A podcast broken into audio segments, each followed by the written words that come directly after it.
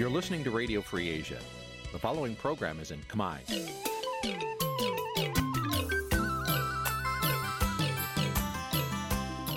នេះជាកម្មវិធីផ្សាយ Vuthu Azizi Serai នេះជាកម្មវិធីផ្សាយរបស់ Vuthu Azizi Serai ជាភាសាខ្មែរ Vuthu Azizi Serai សូមស្វាគមន៍លោកអ្នកនាងទាំងអស់ពីរដ្ឋធានី Washington នៃសហរដ្ឋអាមេរិក ចាប់ពីរដ្ឋធានី Washington នាងខ្ញុំម៉ៅសុធានីសូមជម្រាបសួរលោកអ្នកស្ដាប់ទាំងអស់ជាទីមេត្រី ចាយើងខ្ញុំសូមជូនការផ្សាយសម្រាប់ព្រឹកថ្ងៃអាទិត្យ500ខែទុតិយាសាទឆ្នាំថោះបញ្ញស័កពុទ្ធសករាជ2567ហើយដល់ត្រូវនៅថ្ងៃទី6ខែសីហាគ្រិស្តសករាជ2023ជាដំបូងនេះសូមអញ្ជើញលោកអ្នកនាងកញ្ញាស្ដាប់ព័ត៌មានប្រចាំថ្ងៃដែលមានមេត្តាដូចតទៅ អ្នកវិភាគនិងមន្ត្រីបពប្រឆាំងមិនជឿលើការបំភ្លឺរបស់លោកសខេងថាគ្មានបាក់បែកផ្ទៃក្នុងបកកាន់អំណាចអ្នកទោសមនសការស្នើដល់រដ្ឋាភិបាលថ្មីឲ្យដោះស្រាយវិបត្តិនយោបាយនិងដោះលែងពួកគេឲ្យមានសេរីភាពឡើងវិញ សហគមន៍និងក្រុមយុវជននាំគ្នាដាំដើមឈើឡើងវិញ នៅព្រៃមេតាធម្មជាតិប្រជាប្រដ្ឋជំរុញអាជ្ញាធរខេត្តបាត់ដំបង ចាត់វិធានការចំពោះរោងចក្រចិន ដែលបង្ហូរជាតិពុលចូលទៅក្នុងស្ទឹងសង្កែរួមនឹងព័ត៌មាន សំខាន់សំខាន់មួយចំនួនទៀតចាត់ជាបន្តទៅទៀតនេះនាងខ្ញុំម៉ៃសុធានីសូមជូនព័ត៌មានទាំងនោះពឺស្ដាប់ ចាលោកដានៀងជាទីមេត្រីអ្នកវិភាគនិងមន្ត្រីបពប្រឆាំងយល់ឃើញថាការចេញសារបំភ្លឺបង្ហាញពីភាពរឹងមាំនៃគណៈបកប្រជាជនកម្ពុជារបស់លោកសខេងនៅពេលនេះគឺគ្រាន់តែដើម្បីបំពេញចិត្តលោកហ៊ុនសែនប៉ុណ្ណោះដោយសារតែលោកហ៊ុនសែនបានចេញសារព្រមានដល់កម្រជាមុន ចំពោះអ្នកដែលចង់ធ្វើឃាតកូនប្រុសរបស់លោក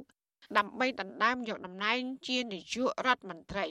ចាប់ពីរដ្ឋធានី Washington លោកយ៉ងច័ន្ទដារារីកាព័ត៌មាននេះ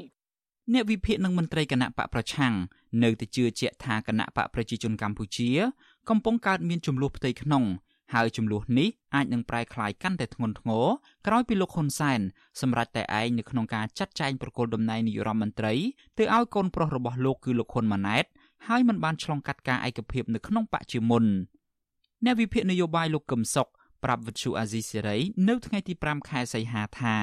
បើទោះបីជាលោកសខេងខំចេញមុខការពីបែបណាក៏ដោយក៏មិនអាចបិទបាំងការបែកបាក់ផ្ទៃក្នុងរបស់គណៈបកប្រជាជនកម្ពុជាបានដែរពីព្រោះលោកហ៊ុនសែនបានប្រកាសផ្ទេរអំណាចទៅឲ្យកូនប្រុសភ្លាមភ្លាមដោយមិនពិភាក្សាជាមួយគណៈកម្មាធិការអចិន្ត្រៃយ៍គណៈបកនោះឡើយលោកចាត់ទុកថានេះគឺជាសកម្មភាពបង្ហាញថាគណៈបកប្រជាជនកម្ពុជា កំពុងខ្វែងគំនិតគ្នាយ៉ាងខ្លាំង រហូតមិនអាចរកបានចំណុចរួមនៅក្នុងការសម្រេចលើកបន្ទប់លោកហ៊ុនម៉ាណែតកាន់តំណែងជានាយករដ្ឋមន្ត្រីការចេញមុខនិយាយការពី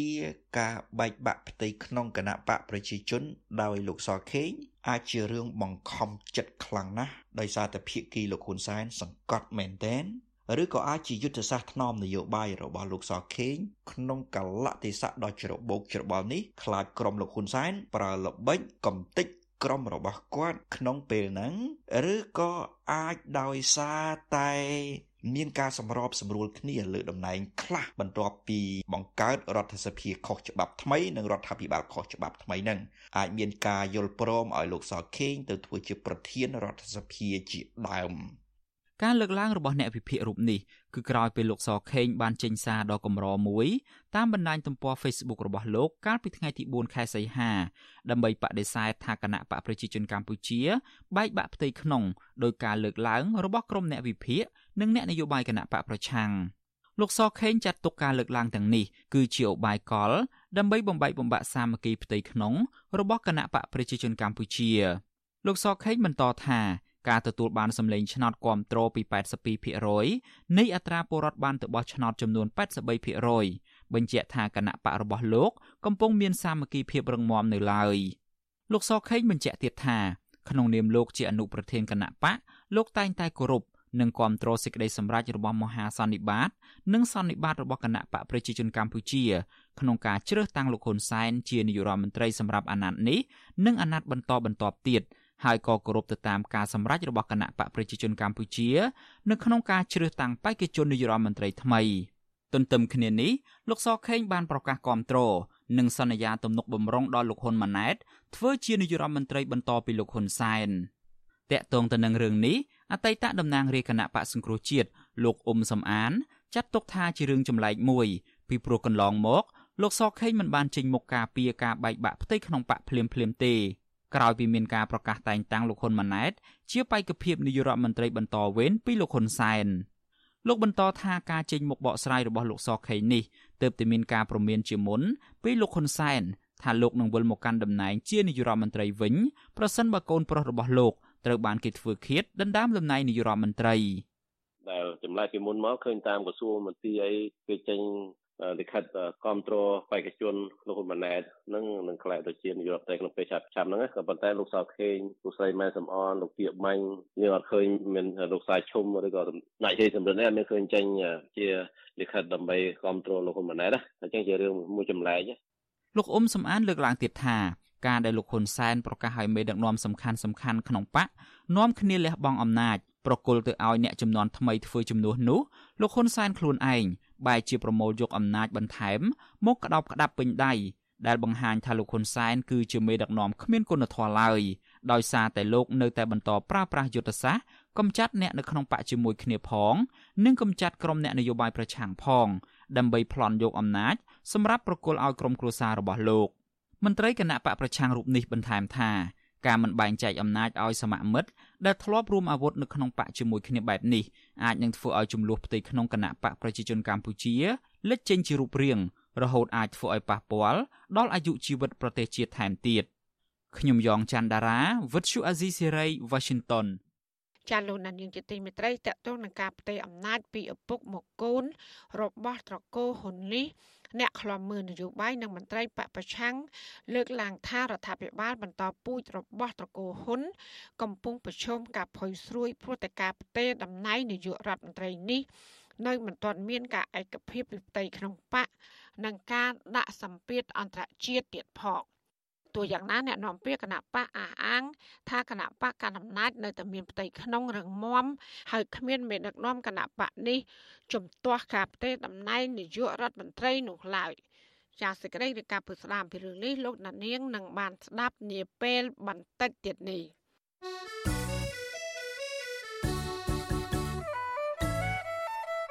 ចាលោកណានៀងជាទីមេត្រីកម្មវិធី podcast កម្ពុជាសប្តាហ៍នេះ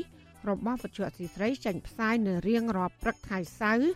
នៃសប្តាហ៍នីមួយៗម៉ោងនៅប្រទេសកម្ពុជា កម្មវិធីនេះរៀបចំដោយនាយកនិងនាយករងនៃកម្មវិធីការផ្សាយរបស់វិទ្យុអសីស្រីជាភាសាខ្មែរគឺលោកសំពូលីនិងលោកជុនច័ន្ទបុតចាសសូមប្រិយមិត្តស្វែងរកនិងស្ដាប់ podcast របស់យើងនៅលើកម្មវិធី podcast របស់ Apple, Google និង Spotify ដោយគ្រាន់តែសរសេរពាក្យថាកម្ពុជាសប្តាហ៍នេះឬ Cambodia this week ដោយក្នុងប្រអប់ស្វែងរកតែយើងក៏នឹងចាប់ផ្សាយ podcast នេះឡើងវិញនៅក្នុងការផ្សាយផ្ទាល់របស់យើងតាមបណ្ដាញសង្គម Facebook YouTube និង Telegram នៅរៀងរាល់យប់ថ្ងៃច័ន្ទចាសសូមអរគុណ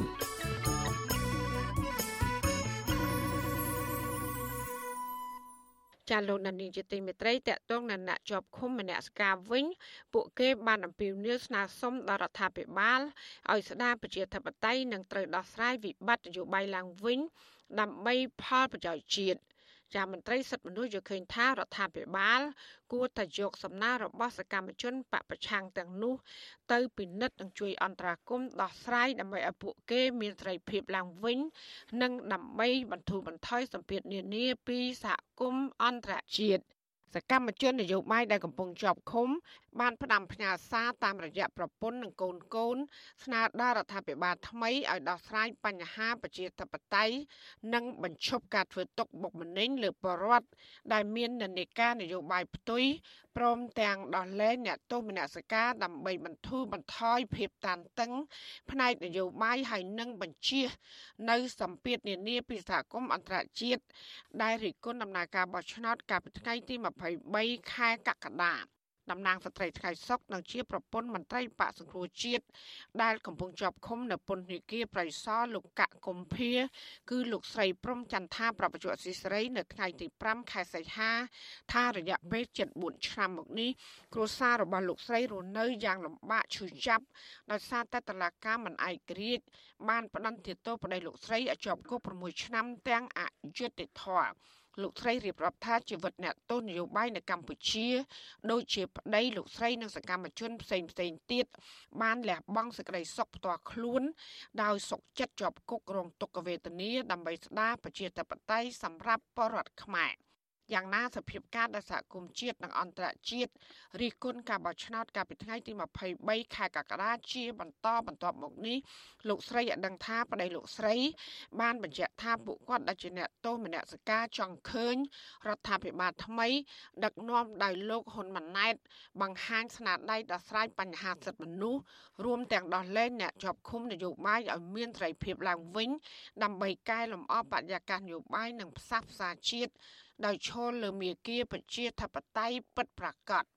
គ្រប់សិទ្ធិមនុស្សដោយសុកគេតែម្ដងមើលកុំឲ្យមានគេហៅថារដ្ឋបិទហើយចាប់ដែលអ្នកអត់កំហុសសោះទៅដាក់ពន្ធនាគារអញ្ចឹងឲ្យដោះលែងពួកគាត់វិញមកដើម្បីធ្វើការបម្រើប្រជាពលរដ្ឋទៅជាខ្មែរទេនៅនៃការបកណាក៏ដោយបកប្រឆាំងក៏ដោយបកកណ្ដាលអំណាចក៏ដោយក៏សិតតែជាខ្មែរហើយដឹកនាំទៅទាំងអស់គ្នាបម្រើប្រជាពលរដ្ឋទាំងអស់គ្នាដើម្បីឲ្យមានប្រជាធិបតេយ្យប្រកប ស្រដៀងគ្នានេះដែរកូនស្រីសកម្មជនបពប្រឆាំងម្នាក់ទៀតលោកហេងច័ន្ទសុធីគឺកញ្ញាហេងបូរីថ្លែងថាមកដល់ពេលនេះឪពុករបស់កញ្ញាស៊ូទ្រាំជាប់ឃុំក្នុងបន្ទប់តូចចង្អៀតគ្មានអនាម័យអស់រយៈពេលជាង3ឆ្នាំដែលបានធ្វើឲ្យសុខភាពចុះខ្សោយពីមួយថ្ងៃទៅមួយថ្ងៃប៉ុន្តែកញ្ញាឲ្យដឹងថាស្មារតីនិងគោលចំហរបស់ឪពុកនៅតែរឹងមាំដដែលកញ្ញាយល់ថាការបន្តឃុំខ្លួនសកម្មជនបពប្រឆាំង រាប់ឆ្នាំបែបនេះมันបានផ្ដល់ផលចំណេញដល់កម្ពុជានោះទេ ហើយផ្ទុយទៅវិញរដ្ឋាភិបាលដែលបង្កើតឡើងនៅពេលខាងមុខនឹងរងការរិះគន់និងសម្ពាធពីសំណាក់សហគមន៍អន្តរជាតិជាបន្តបន្ទាប់កញ្ញាថៃឪពុករបស់នាងជឿជាក់ជាមុនថារដ្ឋាភិបាលថ្មីដែលដឹកនាំដោយលោកហ៊ុនម៉ាណែតនឹងជួយអន្តរាគមន៍ដល់លែងអ្នកទោសនយោបាយដោយចូលតុចរចាបញ្ចប់បញ្ហានយោបាយនិងបញ្ឈប់ ការធ្វើទុកបុកម្នេញនិងធ្វើបាបសកម្មជននយោបាយតទៅទៀតគាត់នៅតែចង់ឃើញរដ្ឋាភិបាលដោះស្រាយវិបត្តិនយោបាយនិងដោះលែងពួកគាត់ឲ្យមានសេរីភាពឡើងវិញពីព្រោះការដោះលែងពួកគាត់ឲ្យមានសេរីភាពឡើងវិញគឺជាការបង្ហាញមួយទៅដល់អន្តរជាតិឲ្យឃើញថាប្រទេសកម្ពុជាគឺជាប្រទេសដែលមានការគោរពសិទ្ធិមនុស្សនិងលទ្ធិប្រជាធិបតេយ្យពិតប្រាកដមែនក៏ដូចជាកាត់បន្ថយសម្ពាធអន្តរជាតិផងដែរ ចំណែកកូនត្រីរបស់មន្ត្រីគណៈបកភ្លើងទៀនប្រចាំក្រុងប៉ោយប៉ែតលោកចៅវាសនាគឺអ្នកត្រីចៅរតនៈប្រាប់វិទ្យុស៊ីស្រីថាកញ្ញាបានជួបសួរសុខទុក្ខឪពុក នៅថ្ងៃទី4ខែសីហាក្រោមការឃ្លាំមើលយ៉ាងតឹងរឹងពីឆ្មាំពន្ធនាគារខេត្តបន្ទាយមានជ័យ អ្នកត្រីប្រាប់ថាទោះបីឪពុកអ្នកត្រីជាប់ពន្ធនាគារជាលើកទី2ក្តីក៏ប៉ុន្តែគាត់នៅតែមានឆន្ទៈមោះមុតនិងស្មារតីរឹងមាំជាធម្មតាដោយសារតែឪពុកអ្នកត្រីមិនបានបង្ហោះសារជាសាធារណៈញុះញង់ដល់បរិវត្តឲ្យគូសន្លឹកឆ្នោតខ្វែងចោលនោះឡើយ។ អ្នកត្រីស្នើដល់តុលាការឲ្យវិនិច្ឆ័យសំណុំរឿងនេះដោយយុត្តិធម៌និងទម្លាក់ចោលការចោទប្រកាន់ហើយនឹងដោះលែងឪពុកនៅថ្ងៃសវនាការគឺនៅថ្ងៃទី8ខែសីហាខាងមុខ គាត់មិនមែនបានជាកំហុសអីដល់ថ្នាក់ដល់ឃុំខ្លួនគាត់ឬមួយដាក់បន្ទុកលើគាត់ទេដោយសារយើងយោងតាមមើលបែបបទការចុះផ្សាយក៏អត់មានជារឿងរបស់ឪពុកខ្ញុំផ្ទាល់បានទៅផ្សព្វផ្សាយចេញជាសារញុះញង់ឬមួយបានធ្វើវីដេអូណាមួយឬមួយផុសរូបភាពណាមួយដែលញុះញង់ឲ្យប្រជាពលរដ្ឋទៅគូសខ្វែងលើទៅលើសញ្ញាឆ្នោតដែរអញ្ចឹងវាអត់មានតាក់ទងជាមួយនឹងវិធានបទដែលគេហៅថាញុះញង់ណា បច្ចុប្បន្នស៊ីស្រីមិនអាចតកតងแนะនាំពាក្យក្រសួងយុទ្ធភ័ពលោកជីនម៉ាលីននិងแนะនាំពាក្យគណៈបកប្រជាជនកម្ពុជាលោកសុកអេសាន ដើម្បីសាកសួរជាមួយរឿងនេះបានទេនៅថ្ងៃទី5ខែសីហា ទោះយ៉ាងណាក្រោយពេលរបបក្រុងភ្នំពេញ បានរៀបចំការបោះឆ្នោតដែលគ្មានគណៈបកប្រឆាំងចូលរួមជាលើកទី2កាលពីថ្ងៃទី23ខែកក្កដាមកនេះស្របតាមផែនការផ្ទេរអំណាចតពូជទៅឲ្យកូនប្រុសលោកហ៊ុនសែនគឺលោកហ៊ុនម៉ាណែតនោះសហគមន៍អន្តរជាតិនាំមុខដោយសហរដ្ឋអាមេរិកបានដាក់ទណ្ឌកម្មជាបណ្ដាបណ្ដាលើរដ្ឋាភិបាលលោកហ៊ុនសែន ជុំវិញរឿងនេះអ្នកនាំពាក្យសមាគមការពារសិទ្ធិមនុស្សអាត6លោកសង្សានករណាក៏សម្គាល់ថាចាប់តាំងពីកម្ពុជាមានវិវាទនយោបាយប្រមាណឆ្នាំមកនេះសកម្មជនបពប្រឆាំងបានរងនឹងការធ្វើទុកបុកម្នេញការចាប់ដាក់ពន្ធនាគារបាននាំឲ្យស្ថានភាពសិទ្ធិមនុស្សនិងលទ្ធិប្រជាធិបតេយ្យនៅកម្ពុជាធ្លាក់ចុះហើយសហគមន៍ជាតិនិងអន្តរជាតិក៏ទាមទារអរដ្ឋាភិបាលពិនិត្យនិងកែលម្អឡើងវិញ។ លោកយល់ឃើញថារដ្ឋាភិបាលថ្មី គួរតែយកសំណើរបស់អ្នកជាប់ឃុំនយោបាយទាំងនោះទៅពិនិត្យថាជួយអន្តរាគមន៍ដល់លែងពួកគាត់ឲ្យមានត្រីភាពឡើងវិញលោកបន្តថាបើសិនជារដ្ឋាភិបាលយកចិត្តទុកដាក់ដោះស្រាយករណីទាំងនោះអាចធ្វើឲ្យកម្ពុជារួចផុតពីសម្ពាធការទូតពាណិជ្ជកម្មជាមួយនឹងសហគមន៍អន្តរជាតិ។ អ្វីដែលជាផលប៉ះពាល់គឺប៉ះពាល់មកដល់ប្រទេសជាតិយើងទាំងមូលផលប្រយោជន៍របស់ប្រទេសជាតិយើងជាពិសេសជាពលរដ្ឋក៏ដូចជាកម្មករនិងកសិករនឹងឯងដែលជាអ្នករងផលប៉ះពាល់ធ្ងន់ធ្ងរជាងគេចំណុចទាំងអស់នេះយើងអត់ចង់ឃើញប្រទេសជាតិយើងរងការដាក់សម្ពាធឬក៏វិធានការអ្វីបន្តទៀតទេគឺយើងចង់ឃើញនៅលំហសិទ្ធិសេរីភាពរបស់ប្រជាពលរដ្ឋយើងរួមទាំងសិទ្ធិសេរីភាពរបស់សកម្មជននយោបាយឬក៏លំហលទ្ធិប្រជាធិបតេយ្យនឹងឲ្យមានភាពល្អប្រសើរដើម្បីឲ្យមានការទទួលស្គាល់ពីគ្រប់មជ្ឈដ្ឋាននានាមកដល់ពេលនេះមានសកម្មជនគណៈបកសង្គ្រោះជាតិគណៈបកភ្លើងទៀនសកម្មជនដីធ្លីនិងអ្នករិះគន់រដ្ឋាភិបាល ជាង50នាក់ហើយកំពុងជាប់ឃុំក្នុងពន្ធនាគារដោយសារតែការអនុវត្តសិទ្ធិត្រីភាពរបស់ខ្លួន។ សហគមន៍ជាតិនិងអន្តរជាតិកោតទោសអាញាធររដ្ឋាភិបាលលោកហ៊ុនសែននិងអំពាវនាវឲ្យទម្លាក់ចោលរបបចោតប្រកាន់ប្រឆាំងនឹងសមាជិកគណៈបពប្រឆាំងអ្នកការពារសិទ្ធិមនុស្សហើយដោះលែងពួកគេឲ្យមានត្រីភាពឡើងវិញដែលឥតលក្ខខណ្ឌដើម្បីលើកកម្ពស់ការគោរពសិទ្ធិមនុស្សនៅកម្ពុជាឡើងវិញ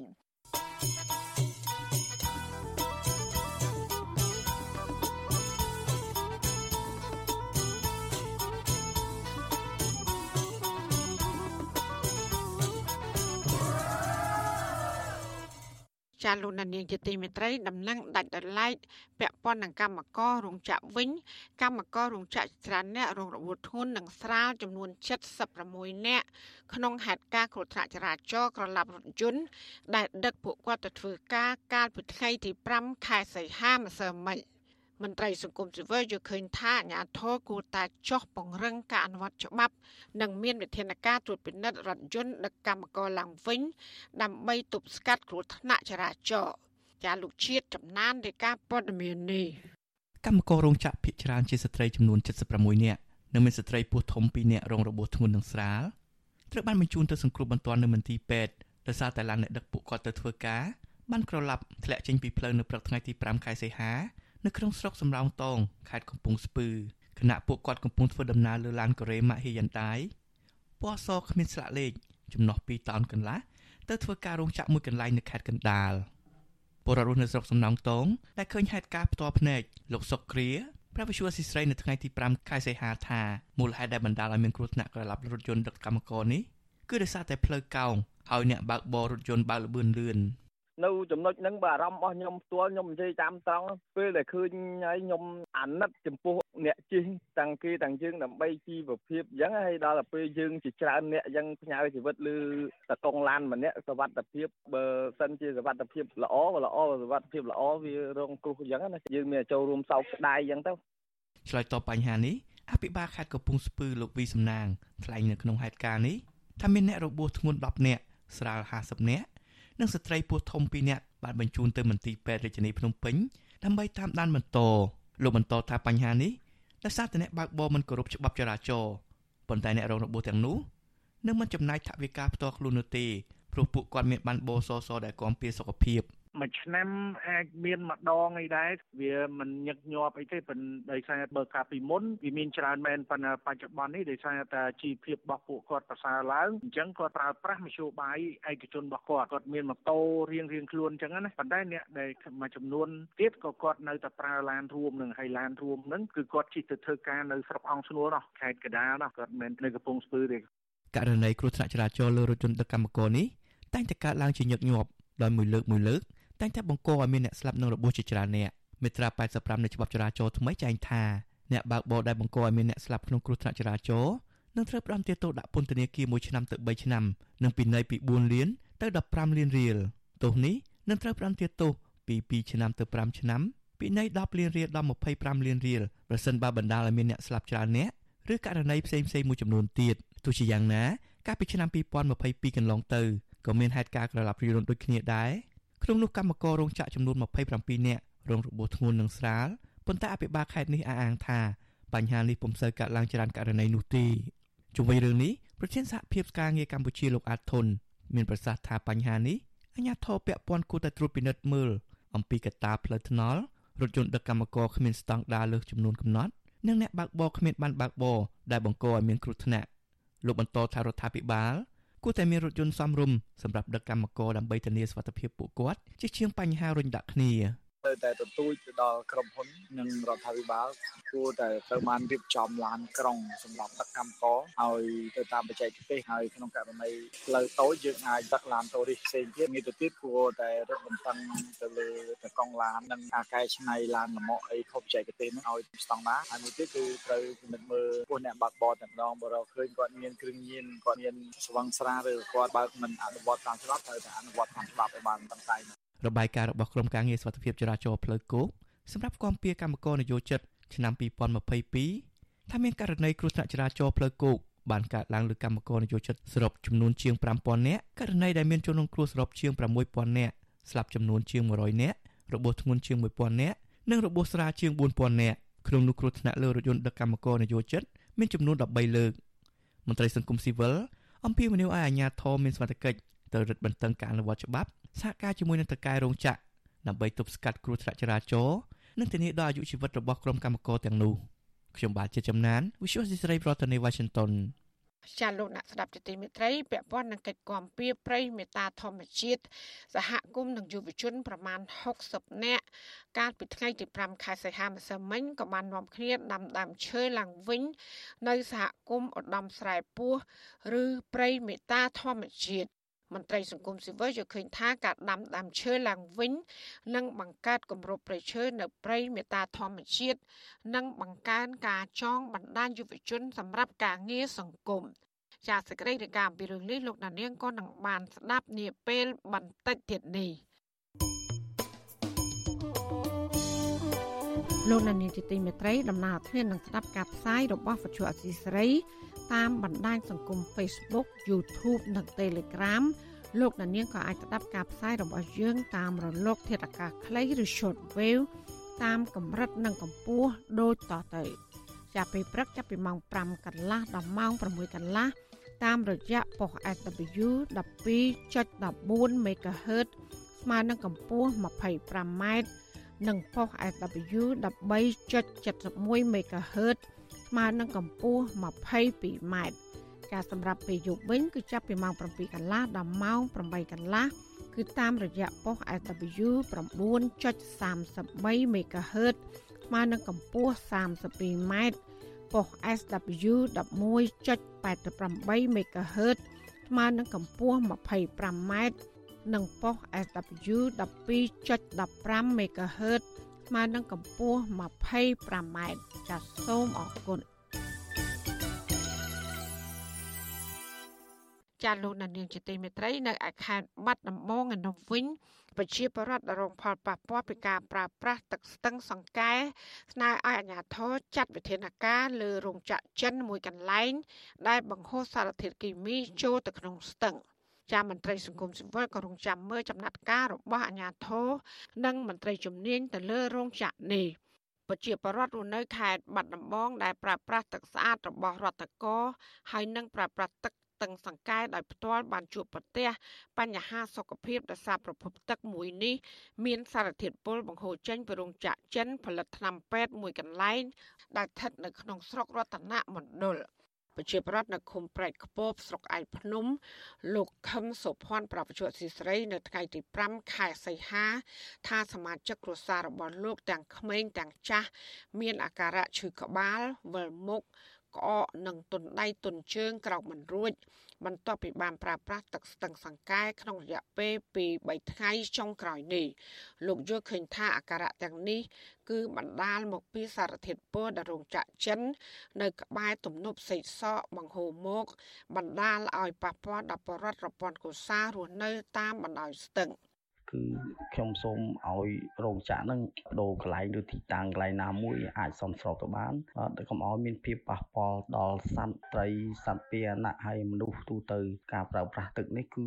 វាធ្ងន់ធ្ងរណាស់មនុស្សសំខាន់ត្រូវការទឹកហើយបើសិនតែទឹកមានសារធាតុគីមីប្រហូរដាក់ចូលអញ្ចឹងតើយើងពឹងអីករណីទឹកស្ទឹងសង្កែដែលមានជាតិពុលនិងទឹកស្អាតរបស់រដ្ឋកោទឹក ដែលមានពណ៌លឿងខុសពីធម្មតានេះត្រូវបានប្រជាពលរដ្ឋរស់នៅក្រុងបាត់ដំបងយកមកផ្សព្វផ្សាយជាបន្តបន្ទាប់ដែលធ្វើឲ្យពួកគាត់បារម្ភនិងមួយចំនួនទៀតផ្អាកការប្រើប្រាស់ទឹកនេះមួយរយៈបរដ្ឋនៅក្រុងបាត់ដំបងគឺលោកស្រីសុនស្រីនិច ឲ្យដឹងថាប្រហែលថ្ងៃនេះលោកស្រីមិនហ៊ានប្រើទឹកស្ទឹងយកមកដាំស្លឬក៏ប្រើប្រាស់នោះទេដោយសារទឹកនេះមានពណ៌លឿងក្រមៅខុសពីប្រក្រតីនិងមានក្លិនមិនល្អលោកស្រីថាលោកស្រីដាច់ចិត្តយកទឹកនោះ មកចម្រោះប្រើក្រោយពេលរដ្ឋបាលខេត្តនិងរដ្ឋការទឹកប្រកាសថាទឹកស្ទឹងសង្កែបានវិលមករកសភាពធម្មតាវិញហើយ ប៉ុន្តែក្រោយពីបានប្រើរួចមក លោកស្រីថាក្រុមគ្រួសារលោកស្រីចាប់ផ្ដើមក្អកនិងរមាស់ស្បែកគ្រប់គ្រប់គ្នា ខ្ញុំសូមឲ្យអ្នកដែលធ្វើទំនប់ប្រើទឹកថ្នាំដែលប្រហូរចូលក្នុងស្ទឹងសង្កែនឹងសូមរើអារោងចក្រនឹងចេញទៅហើយបបាបើប្រជាពលរដ្ឋនៅខាងក្រោមនឹងទៅពេលដល់គ្នាប្រើរដូវដែលខែវស្សានឹងគេប្រហូរទឹកឬក៏ទឹកឡើងមកខ្លាំងគឺពលរត់ទៅឆ្នាំបដ ாய் បា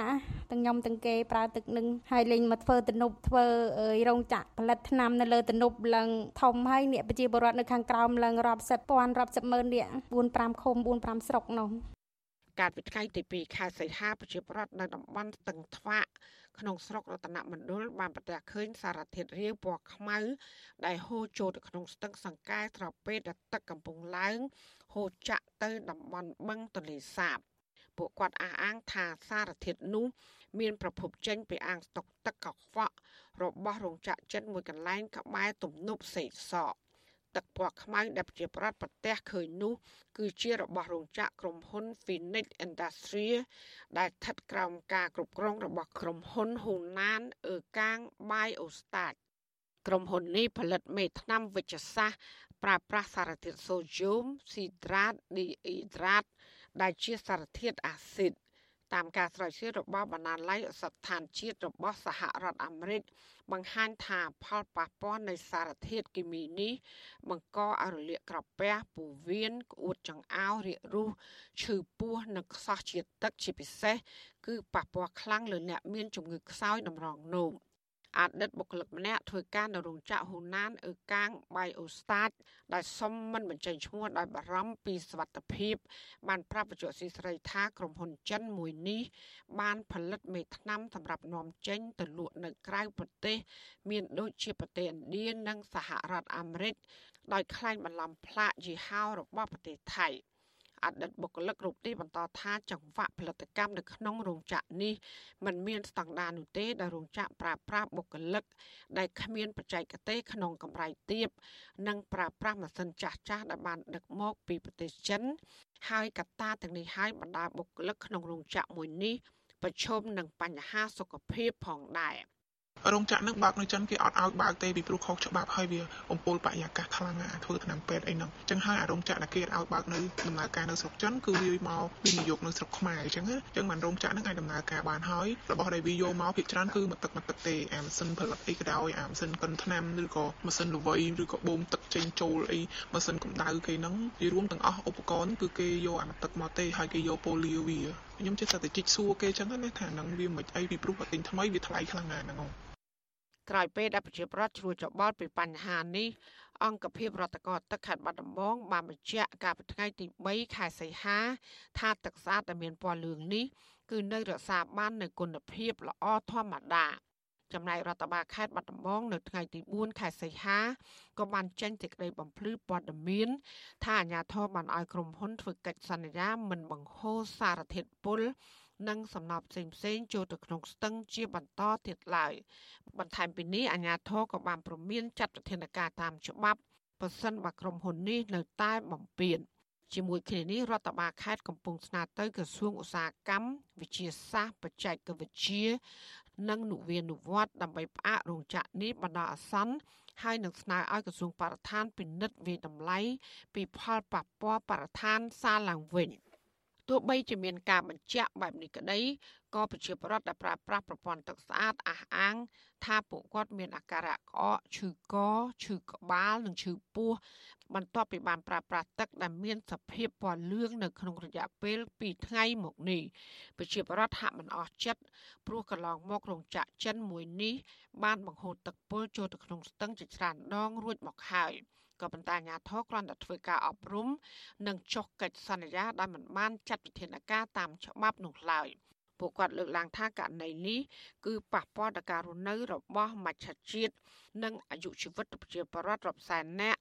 ដែលបានប្រើប្រាស់ទឹកស្ទឹងសង្កែប្រចាំថ្ងៃដូច្នេះអាជ្ញាធរមិនគួរចាត់វិធានការត្រឹមតែការប្រាមាត់និយាយដោយបណ្ដោយរោងចក្របរទេសមួយនេះមិនញញើតនឹងនៅតែបង្ហូរសារធាតុពុលចូលទៅក្នុងស្ទឹងបន្តទៀត។ វិទ្យុអសីស្រីមិនអាចតាក់ទងអភិបាលខេត្តបាត់ដំបងលោកសុកលូនិងតំណាងក្រុមហ៊ុនហូណាងអឺកាង Biostat ដើម្បីសុំការបកស្រាយជំវិញបញ្ហានេះបានទេនៅថ្ងៃទី5ខែសីហាតេតិនរឿងនេះដែរអ្នកតំណប់ទសមាគមអាត6ខេត្តបាត់ដំបង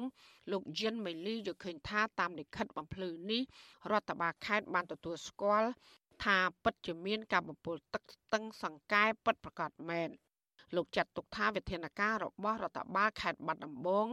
ដែលស្នើឲ្យផ្អាករោងចក្របណ្ដោះអាសន្ននេះ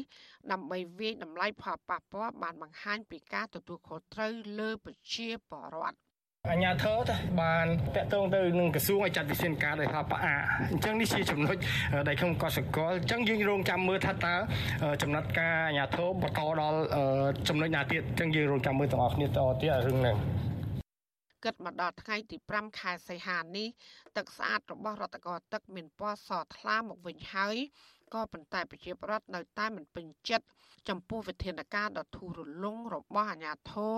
ចំពោះរោងចក្រដែលបង្កផលប៉ះពាល់ដល់បរិស្ថាន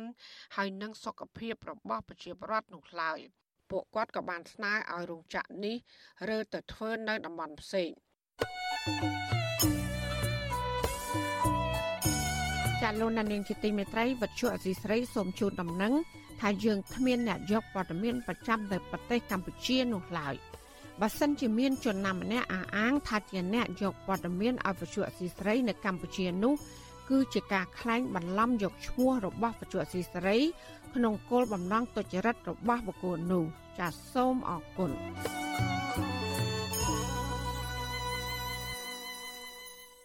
ចាលោកនាយកជាទីមេត្រីក្រោយពីបានបោះឆ្នោតបានមួយសប្តាហ៍មកក្រុមហ៊ុនចិនរងឆេង បានចាប់ផ្ដើមអាជីវកម្មជីករ៉ែមាសសាជាថ្មី ដោយបានដើរកែនប្រជាពលរដ្ឋរស់នៅក្នុងតំបន់នោះឲ្យទៅធ្វើជាកម្មករខណៈដែលអាជ្ញាធរមូលដ្ឋាន នៅមិនទាន់ឃើញចាត់វិធានការទប់ស្កាត់នោះឡើយសហគមន៍សង្ស័យថាអាជ្ញាធរចូលរួមជាមួយក្រុមហ៊ុនចិននេះទៅគ្មានការទប់ស្កាត់ ចាលោកជាតិចំណានមានតក្រិរិកាដាច់តឡៃមួយទៀតជំវិញព័ត៌មាននេះប្រជាសហគមន៍រស់នៅឃុំចុងផ្លាស់ស្រុកកែវសីមាខេត្តមណ្ឌលគិរីអះអាងថាបន្ទាប់ពីបោះឆ្នោតរួចមេការក្រុមហ៊ុនចិនបានដើរកែនប្រជាពលរដ្ឋនៅក្នុងឃុំឲ្យទៅធ្វើជាកម្មករស៊ីឈ្នួលជីកយករ៉ែមាសតំណាងសហគមន៍ជនជាតិដើមភាគតិចភ្នងដែលរស់នៅឃុំចុងផ្លាស់លោកសាំងសារីប្រាប់វិសុវអសិរ័យឲ្យដឹងនៅថ្ងៃទី5ខែសីហាថារយៈពេល3ថ្ងៃហើយដែលមេការក្រុមហ៊ុនចៃជនជាតិខ្មែរ បានដើរកានប្រជាពលរដ្ឋរស់នៅឃុំមេមង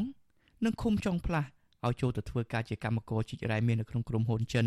លោកបន្ថែមថាវាជារឿងដ៏អយុត្តិធម៌ណាស់ដែលអាជ្ញាធរបានចុះហាមឃាត់ប្រជាពលរដ្ឋមិនឲ្យធ្វើអាជីវកម្មរ៉ែមាសជាលក្ខណៈគ្រួសារប៉ុន្តែបែរជាបើកដៃឲ្យក្រុមហ៊ុនចិនទៅវិញមិនតែប៉ុណ្ណោះអាជ្ញាធរបានដាក់គំនាបទៅប្រជាពលរដ្ឋគ្រប់រូបដែលចង់ធ្វើអាជីវកម្មរ៉ែមាសជាលក្ខណៈគ្រួសារត្រូវបង់ប្រាក់ទៅអាជ្ញាធរ5000ដុល្លារទើបអាចធ្វើបាន។ឥឡូវចាប់ដើម ធ្វើថ្មីធ្វើធ្វើទៀតហើយឥឡូវគេចាប់ដើមធ្វើទៅណាចិនណាពីរថ្ងៃហើយពងរោពីបរតចឹងណាបាទតែពីបរតយើងឥឡូវអត់ហ៊ានធ្វើទេព្រោះវាបាត់ហើយគេមកពីម្សិលម្សិលថ្ងៃហ្នឹងគេលើថាយើងអត់មានលុយឲ្យគេចឹងគេផ្អាកមកឲ្យធ្វើចឹងយើងអត់មានលុយឲ្យគេចឹងអត់បងឲ្យគេចឹងណាចឹងគេបាត់ចឹងតែគេធ្វើមិនបាន5000បើអត់សុបាយចិត្តកន្លែងថាខ្មែរយើងធ្វើមិនបានតែចិនធ្វើបានចឹងណាប្រជាពលរដ្ឋរស់នៅឃុំចុងផ្លាស់ដែលនឹងចូលធ្វើការឲ្យក្រុមហ៊ុនចិន សូមមិនបញ្ចេញឈ្មោះប្រាប់វិសុអសីស្រីឲ្យដឹងថាមានប្រជាពលរដ្ឋជាច្រើនអ្នកបានចូលទៅធ្វើការឲ្យក្រុមហ៊ុនមួយនេះចំណែករូបលោកនឹងចូលធ្វើការឲ្យក្រុមហ៊ុនរងឆេងនេះដែរដោយលោកទទួលបានប្រាក់ខែ400ដុល្លារក្នុងមួយខែលោកថាពួកលោកត្រូវបថុយជីវិតចុះទៅក្នុងរណ្ដៅដើម្បីខួងដីនឹងថ្មបូមយកមកខាងលើរួចរែងយកកំទេចមាសយកទៅទុកក្នុងឃ្លាំងនិងដាក់ឡានដឹកចេញទៅក្រៅដោយតើកាយជាជនជាតិចិនហើយក្រុមហ៊ុននេះមិនទាន់មានអាជ្ញាប័ណ្ណពីរដ្ឋាភិបាលនោះទេ បាទអ្វីដែលស្តុបដឹកដាក់ឃ្លាំងសុំទៅវាទៅមានអាជ្ញាប័ណ្ណកិនដែរនឹងចិនវាទៅមានអាជ្ញាប័ណ្ណអាជ្ញាប័ណ្ណកិនណាវាបិទខ្មែរផងវានេះផងបិទដៃខ្មែរវាវាបងពីថ្នាក់លើមកធំជាងយើងទៀតអានោះពួកពួកលើចុះមកវាបានធ្វើរហូតដល់ខ្មែរយើងពួកលើចុះមកយើងអាគេចុះមកអាហ្នឹងហើយបិទ មកទុកមក2ថ្ងៃបាត់2ថ្ងៃហ្នឹងហើយបើចិនវាអត់ខ្លាចទេចង់ដាក់លើមកពីណាក៏វាចុចគ្រាប់វាស្វានព្រោះខ្ញុំដឹងថាវាធ្វើអញ្ចឹងមកវាបងថ្នាក់លើវាច្រើនហើយវិសុវស៊ីសេរីមិនអាចតាក់ទងแนะនាំពាក្យក្រសួងរាយនឹងធម្មពលលោកអឹងឌីបូឡានិងប្រធានមន្ត្រីរាយនឹងធម្មពលខេត្តមណ្ឌលគិរីលោកទីសុផលបានទេនៅថ្ងៃទី5ខែសីហានេះដោយទូរស័ព្ទចូលជាច្រើនដងតែគ្មានអ្នកទទួលរីឯតំណាងក្រុមហ៊ុនរងឆេងក៏វិសុវស៊ីសេរីមិនអាចតាក់ទងបានដែរជុំវិញរឿងនេះ មន្ត្រីសម្របសម្រួលសមាគមអាត់ហុកខេត្តមណ្ឌលគិរីលោកប៊ីវ៉ាន់ឌីយល់ឃើញថាអាញាធរគួរតែចុះសិក្សាស្រាវជ្រាវឲ្យបានត្រឹមត្រូវនិងចាត់វិធានការតាមផ្លូវច្បាប់ឲ្យបានតឹងរឹងទៅលើជនណាដែលប្រព្រឹត្តល្មើសច្បាប់និងក្រុមហ៊ុនណាដែលធ្វើអាជីវកម្មដោយមិនមានលិខិតអនុញ្ញាតពីរដ្ឋាភិបាលជាវាងអាជ្ញាធរទាំងនោះចុះទៅទទួលយកលៀបសការៈពីជនល្មើសទៅវិញលោកជំរុញឲ្យអាជ្ញាធរថ្នាក់ជាតិស្វែងរកអ្នកដែលជាប់ពាក់ព័ន្ធដែលបណ្ដាច់បណ្ដោយឲ្យមានអាជីវកម្មរ៉ាយអនាធិបតេយ្យបែបនេះ យកទៅអនុវត្តតាមច្បាប់មានវិធានការជាក់លាក់មួយយើងចង់ឲ្យមានការចោះមកស៊ើបអង្កេតនៅបញ្ហាហ្នឹងពីព្រោះការជីករាយខុសច្បាប់នេះអនាធិបតេយ្យនេះវាមិនមែនទៅបង្កើតនៅក្នុងឆ្នាំហ្នឹងទេវាកើតយូរណាស់ហើយមានន័យថានៅពេលដែលមានបុតបញ្ជាឬក៏មន្ត្រីថ្នាក់ជាតិចោះមកធ្វើការស៊ើបអង្កេតហ្នឹង ខាងអ្នកជីករ៉ែអាណាធិបតេយ្យហ្នឹងគាត់នេះចឹងដកម៉ាស៊ីនឬក៏គាត់ជប់ជីកអញ្ចឹងទៅហើយរៀងគប់ស្កាត់ចឹងគាត់លួចទៀតរឿងហ្នឹងយើងមានតែចោះធ្វើការសិក្សានិងស្រាវជ្រាវរកអ្នកពាក់ព័ន្ធដើម្បីដាក់ទោសទៅតាមផ្លូវច្បាប់ទេដែលអាចទប់ស្កាត់នៅការជីករ៉ែដោយខុសច្បាប់បែបនេះក្រុមហ៊ុនចិនរងឆេងទទួលបានអាជ្ញាប័ណ្ណធ្វើអាជីវកម្មរ៉ែមាសពីរដ្ឋាភិបាលលោកហ៊ុនសែនកាលពីឆ្នាំ2013លើផ្ទៃដី2800ហិកតាក្នុងស្រុកកែវសីមាខេត្តមណ្ឌលគិរី ជនជាតិដើមភាគតិចនៅក្នុងខេត្តមណ្ឌលគិរីជំរុញឲ្យមន្ត្រីរដ្ឋាភិបាលប្រុងប្រយ័ត្នក្នុងការផ្ដោតដីសម្បត្តិនៅក្នុងខេត្តបន្ទាប់ពីមានអ្នកភូមិរាប់រយនាក់បានធ្លាក់ខ្លួនឈឺកាលពីខែឧសភាឆ្នាំ2018នៅពេលដែលមានសារធាតុពុលរួមទាំងសារធាតុស៊ីនិតដែលគ្រប់គ្រងមិនត្រឹមត្រូវហើយបែកធ្លាយនៅក្នុងទឹកអូរដែលអ្នកភូមិប្រើប្រាស់ខ្ញុំបាទជាចំណាន Visual ស៊ីស្រីប្រធានាទី Washington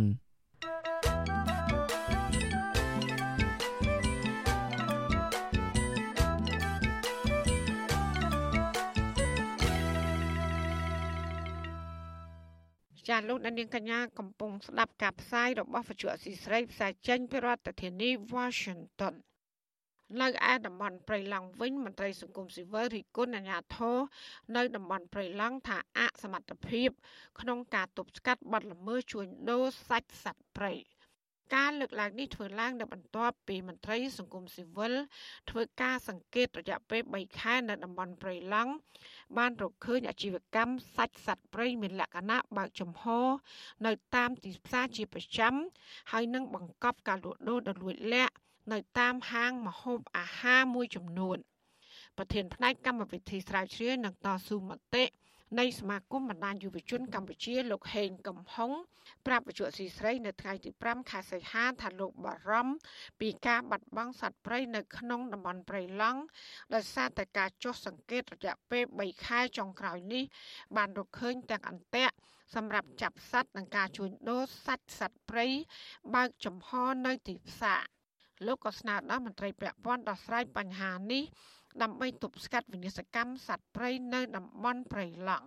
ការលក់ដីលុយលាក់ខ្ញុំយល់ថាវាមិនមែនជារឿងមួយថ្មីទេប៉ុន្តែការលក់ចំហនៅលើទីផ្សារទៅជាបញ្ហាដែលយើងមានការព្រួយបារម្ភខ្លាំងដែលបង្ហាញឲ្យឃើញថាការមិនយកពីការមិនយកចិត្តទុកដាក់និងកំសោយសមត្ថភាពនៅក្នុងការទប់ស្កាត់សកម្មភាពទាំងអស់នេះបាទសម្រាប់ខ្ញុំខ្ញុំយល់ថាអាជ្ញាធរមានសមត្ថកិច្ចគួរតែយកចិត្តទុកដាក់ក្នុងការត្រួតពិនិត្យចំពោះរឿងនេះ វិទ្យុអស៊ីស្រីនៅពុំទាន់អាចតាក់ទងแนะនាំពាក្យក្រសួងបរិស្ថាន លោកណេតភក្ត្រាដើម្បីសុំការឆ្លើយតបជំវិញបញ្ហានេះបានទេនៅថ្ងៃទី5ខែសីហាវិទ្យុអស៊ីស្រីនៅពុំទាន់អាចតាក់ទងแนะនាំពាក្យក្រសួងបរិស្ថាន លោកណេតភក្ត្រាដើម្បីសុំការឆ្លើយតបជំវិញបញ្ហានេះបាននៅឡើយទេនៅថ្ងៃទី5ខែសីហា អ្នកនាំពាក្យនិងជារដ្ឋលេខាធិការក្រសួងបរិស្ថាន លោកណេតភត្រាបានថ្លែងក្នុងកិច្ចប្រជុំមួយនៃយុទ្ធនាការបញ្ចប់វិបត្តិអន្ទាក់និងការជួញដូរសត្វព្រៃខុសច្បាប់ កាលពីខែមីនាកន្លងទៅ ថាប្រជាប្រដ្ឋបានយល់ដឹងច្រើនជាងមុន ដោយបណ្ដុះស្មារតីស្រឡាញ់បរិស្ថាន និងសត្វព្រៃកាន់តែខ្លាំងដោយសារពួកគាត់បានផ្លាស់ប្ដូរអេរយាប័តឈប់ទទួលទានសត្វព្រៃហើយងាកមកចូលរួមការពារវិញ រីឯម្ចាស់ភោជនីយដ្ឋានចំនួន52កន្លែងនោះក៏បានចូលរួមយុទ្ធនាការអន្តរសូនលើកទី1នោះដែរ។លោកបញ្ជាក់ថាការចូលរួមរបស់សាធារណជន គឺជាកិច្ចខិតខំប្រឹងប្រែងរួមគ្នាបន្ថែមទៀតដើម្បីឲ្យសម្រេចបានគោលដៅបញ្ឈប់ការដាក់អន្ទាក់និងការជួញដូរសត្វព្រៃខុសច្បាប់ ផ្ទុយពីការលើកឡើងនេះមន្ត្រីអង្គការសង្គមស៊ីវិលនៅតែបន្តរកឃើញអន្ទាក់នៅក្នុងព្រៃនិងការលក់ដូរសាច់សត្វព្រៃនៅតាមទីផ្សារយ៉ាងអនាធបត័យអាស៊ីសេរីចាលោកអ្នកស្ដាប់យុតិមេត្រីនៅឯព្រៃមេតាធម្មជាតិវិញសហគមន៍និងយុវជនប្រមាណ60នាក់កាលពីថ្ងៃទី5ខែសីហាម្សិលមិញបាននាំគ្នាដាំដើមឈើឡើងវិញ នៅសហគមន៍ឧត្តមស្រែពោះឬព្រៃមេតាធម្មជាតិមន្ត្រីសង្គមស៊ីវិលថាការដាំដើមឈើឡើងវិញនិងបង្កើតគម្របព្រៃឈើនៅព្រៃមេតាធម្មជាតិនិងបង្កើនការចងបណ្ដាញយុវជន សម្រាប់ការងារសង្គម។ចាប់ពីរដ្ឋធានី Washington លោកសេកបណ្ឌិតរាជការព័ត៌មាននេះការដាំកូនឈើឡើងវិញនេះធ្វើឡើងដោយអង្គការសង្គមស៊ីវិលចំនួន10 រួមមានសមាគមបណ្ដាញយុវជនកម្ពុជាហៅថា YCN សមាគមសម្ព័ន្ធនិស្សិតបញ្ញវន្តខ្មែរហៅថា KS ILA និងអង្គការមួយចំនួនទៀតរួមជាមួយនឹងសហគមន៍ព្រៃមេតាធម្មជាតិក្រមយុវជន និងមន្ត្រីអង្គការសង្គមស៊ីវិលឲ្យដឹងថាការដាំកូនឈើឡើងវិញរបស់ក្រមយុវជន និងមន្ត្រីអង្គការសង្គមស៊ីវិលនៅថ្ងៃទី5ខែសីហានោះគឺដើម្បីស្ដារឡើងវិញ នៅគម្របព្រៃឈើក្នុងតំបន់សហគមន៍ឧត្តមស្រែពោះឬព្រៃមេតាធម្មជាតិដែលត្រូវបានមន្ត្រីយោធា និងកងរថក្រោះង70ឈូឆាយកាលពីមួយឆ្នាំមុននេះសហគមន៍ព្រៃមេតាធម្មជាតិលោកខូនសរិទ្ធប្រាប់វិទ្យុអាស៊ីសេរីថា លោកនៅពុំទាន់ដឹងពីចំនួនកូនឈើដែលបានដាំជាក់លាក់នៅឡើយទេ លោកបន្តថាការដាំកូនឈើនេះគឺចាប់ផ្ដើមពីតំបន់ក្បែររូបព្រះពុទ្ធបដិមា ដែលនៅខាងក្រោយវត្តព្រៃមេតាធម្មជាតិនាំពោដល់ជាបរិវត្តឬក៏យុវជននិស្សិតអីដែលគាត់ឆ្លាញ់ព្រៃឈើគាត់ចង់ដាំកូនឈើគាត់អាចមកអញ្ជើញមកស្អែកដើម្បីចូលរួមជួយដាំជាមួយគ្នានេះដែរប្រធានផ្នែកកម្មវិធីស្រាវជ្រាវនិងតស៊ូមតិនៃសមាគមបណ្ដាញយុវជនកម្ពុជា YCN លោកហេងកំហុងមានប្រសាសន៍ថាគោលបំណងរួមនៃការដាំកូនឈើនេះគឺដើម្បីអបអរសាទរ ដល់ទិវាយុវជនអន្តរជាតិនៅកម្ពុជា និងដើម្បីបង្កើនគម្របព្រៃឈើនៅព្រៃមេតាធម្មជាតិឡើងវិញហើយយើងសង្ឃឹមថានេះគឺជាការរួមចំណែក ស្ដារឡើងវិញនិងដាំកូនឈើឡើងវិញសម្រាប់សហគមន៍មេតាធម្មជាតិហើយយើងយល់ថានៅពេលខាងមុខសហគមន៍នេះគួរតែត្រឡប់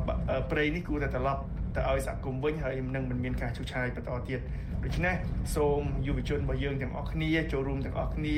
ដើម្បីការពារធនធានធម្មជាតិរបស់ពួកយើងហើយកុំទិញដីដែលបានពីការទន្ទ្រានដីព្រៃដោយខុសច្បាប់និងកុំហូបសាច់សត្វព្រៃបាទ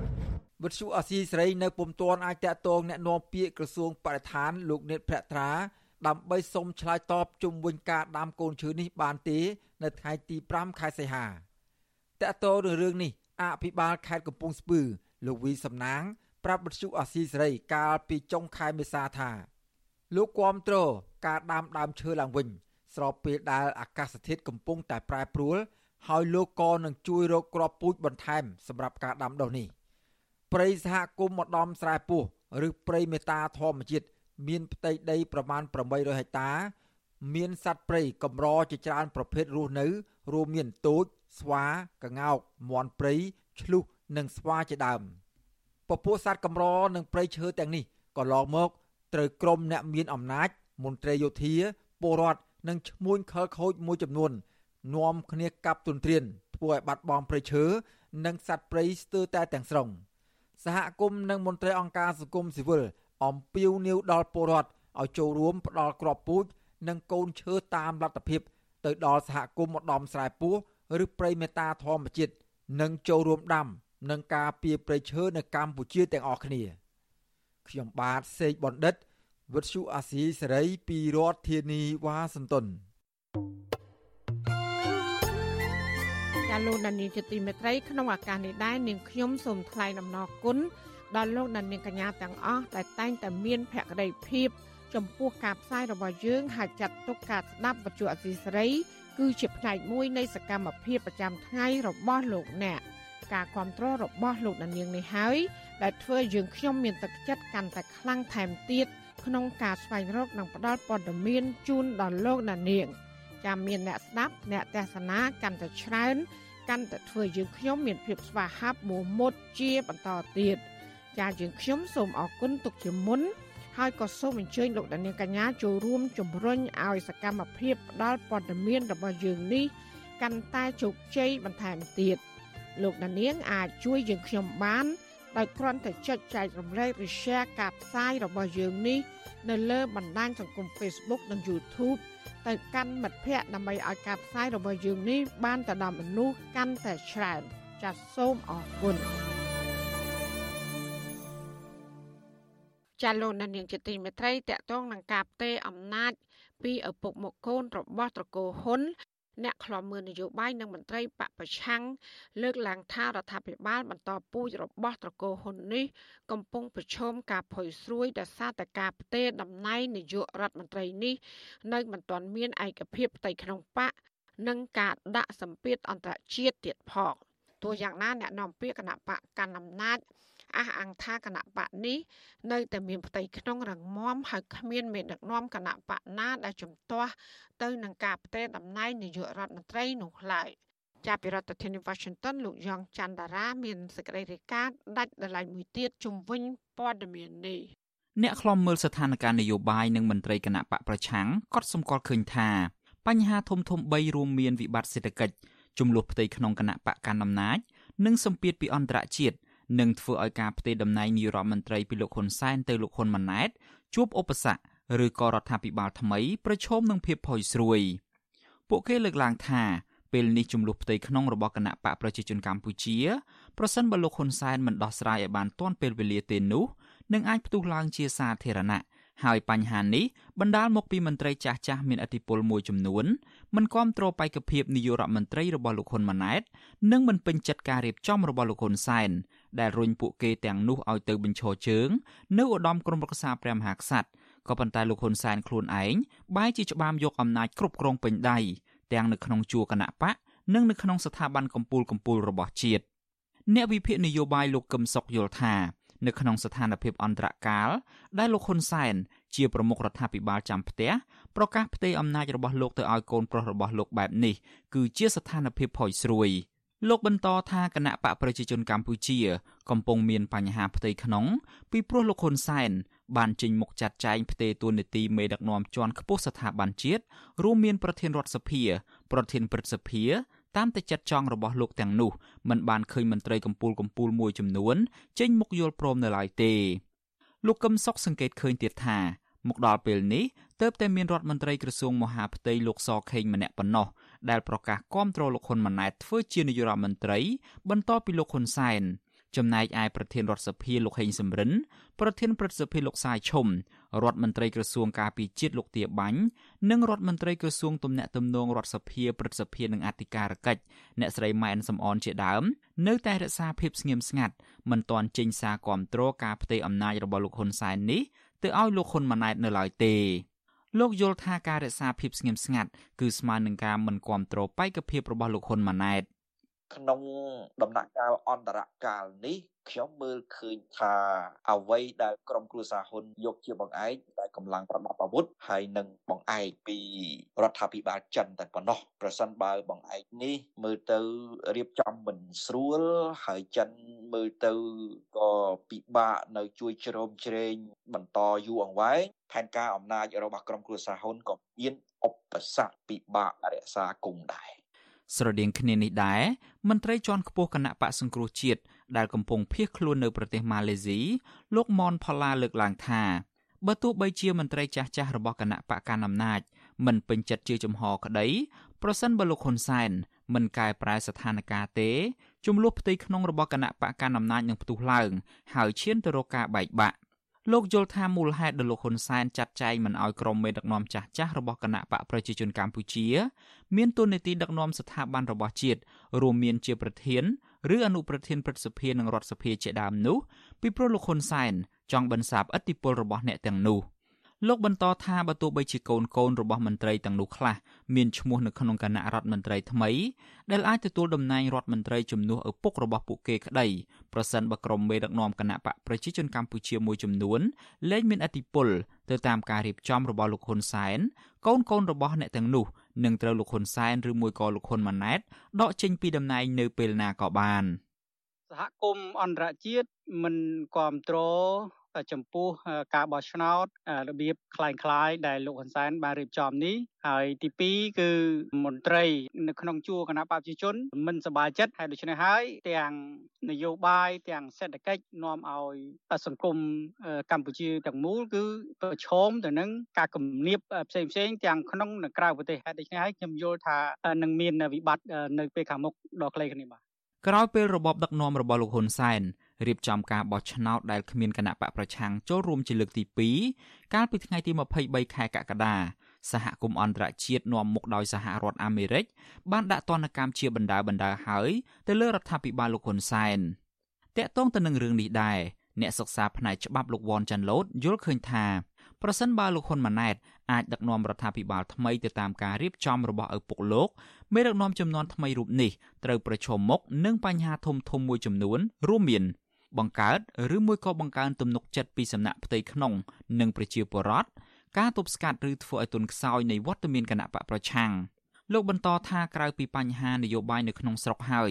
រដ្ឋាភិបាលថ្មីដែលដឹកនាំដោយលោកហ៊ុនម៉ាណែតត្រូវដោះស្រាយបញ្ហានយោបាយក្រៅប្រទេសផ្សេងទៀតដូចជាការប្រឈមការដាក់សម្ពាធពីប្រទេសលោកសេរី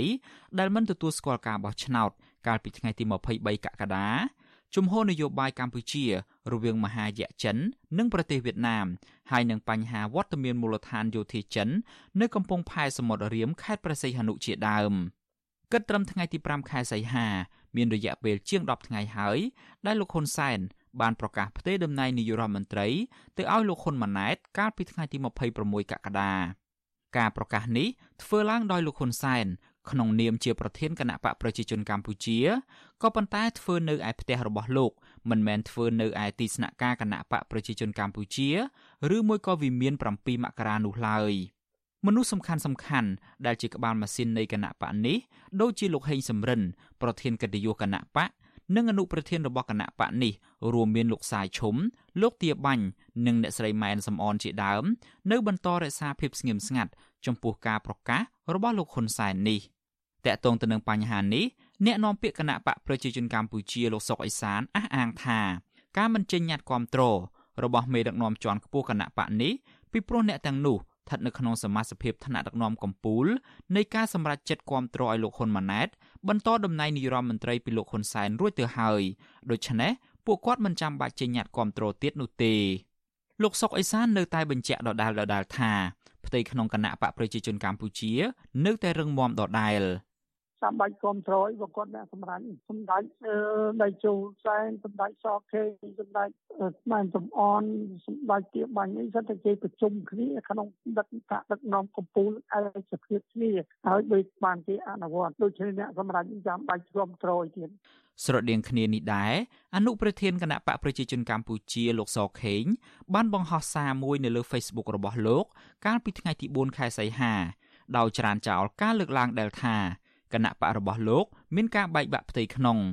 លោកសខេងបញ្ជាក់ថាគណៈបកប្រជាជនកម្ពុជា មានសាមគ្គីភាពផ្ទៃក្នុងរឹងមាំជាយូរមកហើយជាមួយគ្នានេះលោកសខេងបានប្រកាសគាំទ្រនិងសន្យាទំនុកបំរុងដល់លោកហ៊ុនម៉ាណែតធ្វើជានាយរដ្ឋមន្ត្រីបន្តពីលោកហ៊ុនសែនក៏ប៉ុន្តែខុសពីលោកសខេង មេដឹកនាំសំខាន់សំខាន់មួយចំនួនទៀតនៃគណៈបកនេះដូចជាលោកហេងសំរិន លោកសាយឈុំលោកទាបាញ់និងអ្នកស្រីម៉ែនសំអនជាដើម នៅតែរក្សាជំហរស្ងៀមស្ងាត់ដដែលគិតមកដល់ពេលនេះនៅសល់រយៈពេលតែជាង2សប្តាហ៍ទៀតទេ គឺនៅថ្ងៃទី22ខែសីហាខាងមុខជាពេលវេលាដែលលោកហ៊ុនម៉ាណែតនឹងឡើងកាន់តំណែងនាយករដ្ឋមន្ត្រីជំនួសឪពុករបស់លោកទន្ទឹមនឹងការរក្សាភាពស្ងៀមស្ងាត់របស់មេដឹកនាំសំខាន់សំខាន់មួយចំនួននៃគណៈបកកណ្ដាលអំណាចនេះ លោកហ៊ុនសែនហាក់បង្ហាញសញ្ញាមិនទុកចិត្តគ្នានៅក្នុងផ្ទៃក្នុងគណៈបករបស់លោកដោយលោកហ៊ុនសែនបានចេញមុខព្រមានកាលពីថ្ងៃទី3ខែសីហាថាប្រសិនបើទាយាទរបស់លោកគឺលោកហ៊ុនម៉ាណែតជួបគ្រោះថ្នាក់ដល់អាយុជីវិតនោះលោកនឹងវិលមកដឹកនាំរដ្ឋាភិបាលឡើងវិញអ្នកខ្លាំមើលស្ថានភាពនយោបាយយល់ថា នៅពេលខាងមុខនេះលោកហ៊ុនសែនអាចនឹងកែប្រែការសម្រេចចិត្តរបស់ខ្លួនឡើងវិញដោយមិនអាចយកក្រុមមេដឹកនាំសំខាន់សំខាន់របស់គណៈបកទៅបញ្ឈរជើងជាសមាជិកឧត្តមក្រុមប្រឹក្សាព្រះមហាក្សត្រទាំងអស់នោះទេហើយលោកហ៊ុនសែនអាចនឹងផ្ដល់តួនាទីសំខាន់សំខាន់នៅក្នុងរដ្ឋសភាឬមួយក៏ព្រឹទ្ធសភាជូនទៅដល់អ្នកទាំងនោះឡើងវិញខ្ញុំយ៉ងច័ន្ទដារាវិទ្យុអាស៊ីសេរី Washington ា លោកដានីជាទីមេត្រីក្នុងឱកាសនេះដែរនាងខ្ញុំសូមថ្លែងអំណរគុណ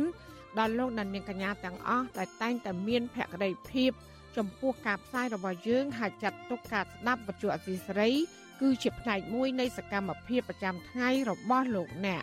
ការគ្រប់គ្រងរបស់លោកដានៀងនេះហើយដែលធ្វើយើងខ្ញុំមានទឹកចិត្តកាន់តែខ្លាំងថែមទៀតក្នុងការស្វែងរកនិងផ្តល់ព័ត៌មានជូនដល់លោកដានៀង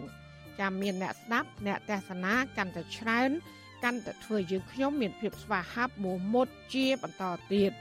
ចាយើងខ្ញុំសូមអរគុណទុកជាមុនហើយក៏សូមអញ្ជើញលោកដានៀងកញ្ញាចូលរួមជំរុញឲ្យសកម្មភាពផ្ដល់ព័ត៌មានរបស់យើងនេះកាន់តែជោគជ័យបន្ថែមទៀតលោកដានៀងអាចជួយយើងខ្ញុំបាន ដោយគ្រាន់តែចុចចែករំលែកឬ share ការផ្សាយរបស់យើងនេះនៅលើបណ្ដាញសង្គម Facebook និង YouTube ទៅកាន់មិត្តភ័ក្តិដើម្បីឲ្យការផ្សាយរបស់យើងនេះបានទៅដល់មនុស្សកាន់តែច្រើនចាសសូមអរគុណចាលោកលាននាងកញ្ញាអ្នកស្ដាប់ជាទីមេត្រីការផ្សាយរយៈពេល1ម៉ោងរបស់វិទ្យុអាស៊ីស្រីជាភាសាខ្មែរនៅពេលនេះចាប់តែប៉ុណ្ណេះ ចាយើងខ្ញុំទាំងអស់គ្នាសូមជូនពរលោកលាននាងនិងក្រុមគ្រួសារទាំងអស់សូមជួបប្រកបតែនឹងសេចក្តីសុខសេចក្តីចម្រើន ជានិរន្តរ៍ចានាងខ្ញុំម៉ៅសុធានីព្រមទាំងក្រុមការងារទាំងអស់របស់អសីស្រីសូមអរគុណនិងសូមជម្រាបលា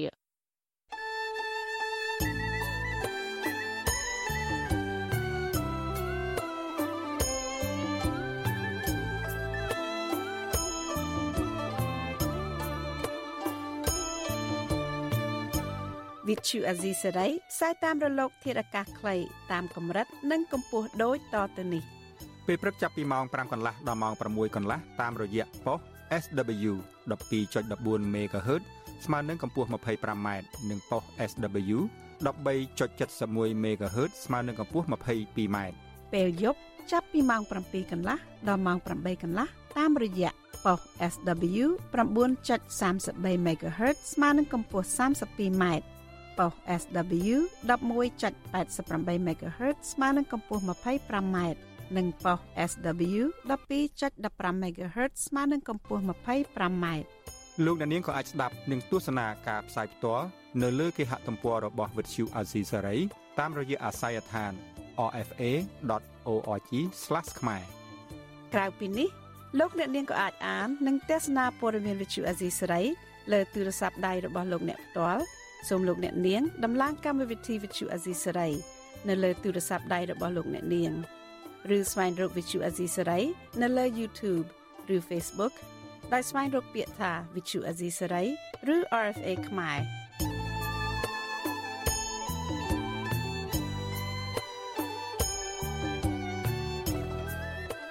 សូមលោកអ្នកនាងចុច like follow និងចុច subscribe ដើម្បីទទួលបានព័ត៌មានថ្មីៗទាន់ហេតុការណ៍ និងទស្សនាវីដេអូផ្សេងៗទៀតបានគ្រប់ពេលវេលា។